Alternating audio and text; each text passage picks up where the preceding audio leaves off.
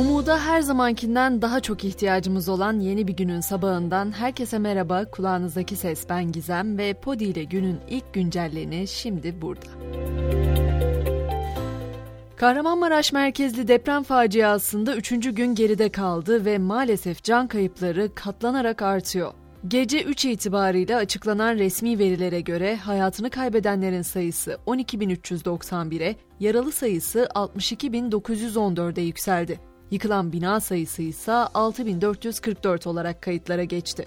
Bölgede artçı depremlerin sayısı da 790 oldu. Bunlardan 3'ü 6 büyüklüğünde. Çoğu ev yıkık, yıkılmayan evlerin çoğu da hasarlı. Hava koşulları bölgedeki herkesi zorlamaya devam ediyor. Yaşam savaşında da hava sıcaklıklarının önemli rol oynadığı bir gerçek haliyle donarak ölümler konusunda da korkutuyor. Deprem bölgesinde bulunan 10 ilde hava sıcaklıkları eksi 6 ila 9 derece arasında seyrediyor. Tabi yaşanan bu depremler sonrası herkes tedirgin ve başka fay hatları tetiklenir mi tartışmalarının arasında İzmir'den paylaşılan görüntüler korkuttu. İzmir'in Seferihisar ilçesinde Sığacık'ta deniz bazı bölgelerde yaklaşık 25 metre kadar çekildi. Tekrar afet bölgesine dönecek olursak İskenderun Limanı'ndaki yangın 3 gündür sürüyordu. Denizcilik Genel Müdürlüğü, Milli Savunma Bakanlığı'nın havadan müdahale ettiği limandaki yangının kontrol altına alındığını duyurdu. Zamana karşı yarışın sürdüğü kentlerden umutlandıran haberler de gelmeye devam ediyor. Depremden 74 saat sonra Hatay'da bir vatandaşımız enkazdan sağ olarak kurtarıldı.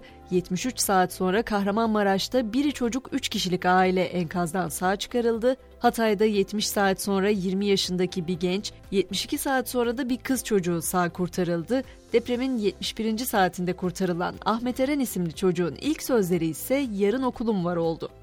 Enkazdan sağ çıkarılanlar umudumuz ama maalesef cansız bedenler konusunda da önemli bilgiler var. AFAD depremde hayatını kaybeden ve kimliklendirmesi yapılamayan cenazelerin 24 saatlik bekleme süresinden sonra DNA, parmak izi örneği ve fotoğrafı alınıp dini vecibelere uygun defnedileceğini duyurdu. Kefen konusundaki eksiklikler de yardım listelerinde yer almaya başladı. Yardım demişken Türkiye'nin her yerinden de deprem mağdurları için yardım seferberliği sürüyor. Bölgeye uzman personel ve iş makinesi gönderilmeye devam ederken toplanan yardım miktarı da hızla artıyor. Önemli bir nokta ise bu yardımların sürekliliği. Önümüzde uzun bir süreç var ve yardımların sadece ilk günlerde değil bir süre devam ettirilerek uzun vadeli sürdürülebilmesi önem taşıyor. ODTÜ'lü öğrenciler bu noktada önemli bir açığı kapadı ve hem depremzedelerin hem de yardımda bulunacak vatandaşların yararlanabileceği internet tabanlı bir arayüz geliştirdiler. Türkçe ve İngilizce oluşturulan afetbilgi.com internet sitesinde hem Kahramanmaraş merkezli depremlerden etkilenenlerin hem de deprem bölgelerine yardım göndermek isteyenlerin aradıkları bilgiler toplu bir şekilde yer alıyor. Türk Hava Yolları da deprem bölgesinden tahliye seferlerine devam ediyor. Deprem bölgesinden bugün de 170 tahliye seferi yapılacağı duyuruldu. Bu arada İstanbul'da Marmaray ve Kağıthane İstanbul Havalimanı metro hatlarında seferler yeniden düzenlendi. Seferler deprem bölgesinden gelen vatandaşların ulaşımını kolaylaştırmak için 12 Şubat pazartesi günü saat 24'e kadar 24 saat hizmet verecek. Bölgede günlerdir konuşulan ve tartışılan konulardan bir diğeri ise arama kurtarma faaliyetleri biliyorsunuz. Bölgede şu an itibarıyla yerli ve yabancı toplam 103.800 personelin sahada görev yaptığı açıklandı. Arama kurtarma faaliyetleri kapsamında ise personel sayısı 21.600. Gelecek olanlarla birlikte 66 ülkenin arama kurtarma ekibinin bölgede çalışma yapacağı belirtiliyor. Son olarak İspanya'dan gelen 46 kişilik arama kurtarma ekibi de İstanbul'dan Adıyaman'a gitti. ABD Savunma Bakanlığı ise Türkiye'ye uçak gemisi gönderdiğini açıkladı. Akdeniz'deki USS George Bush uçak gemisi olası ek destek talebi için Türkiye'ye doğru hareket ediyor denildi. Tabi bu konuda uçak gemisinin gelme amacının deprem olmadığına dair tartışmaları beraberinde getirdi. Tartışma konusu sadece bu değil, aynı zamanda dün akşam itibarıyla deprem döneminde büyük oranda sivil yardımlaşma ve haberleşme için kullanılan Twitter'a getirilen erişim kısıtlaması gündem oldu. Bu durum tabii ki tepkileri beraberinde getirdi.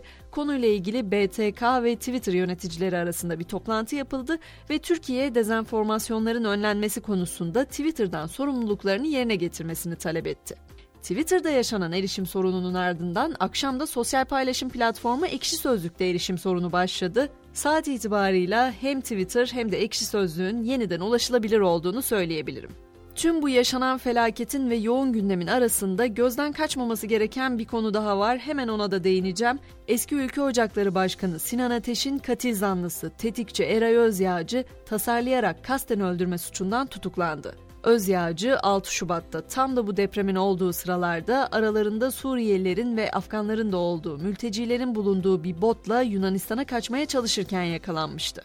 Gelelim spor dünyasına. Futbol Federasyonu FIFA ile yapılan görüşmeler sonrası özel izinle kış transfer döneminin uzatıldığını açıkladı.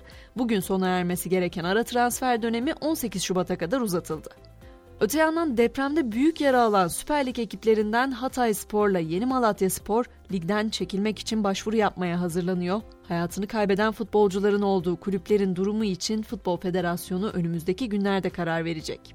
Ve güncelleni noktalarken biliyorum hepimizin biraz umuda ihtiyacı var. Biraz ümit gerekiyor hepimizin bir şeylere tutunabilmesi için. Ben de o yüzden bugünü Mevlana'nın ümitsizlikten sonra nice ümitler, karanlıkların sonunda nice güneşler var sözüyle noktalamak istiyorum. Akşam saat 18'de tekrar görüşünceye kadar şimdilik hoşçakalın.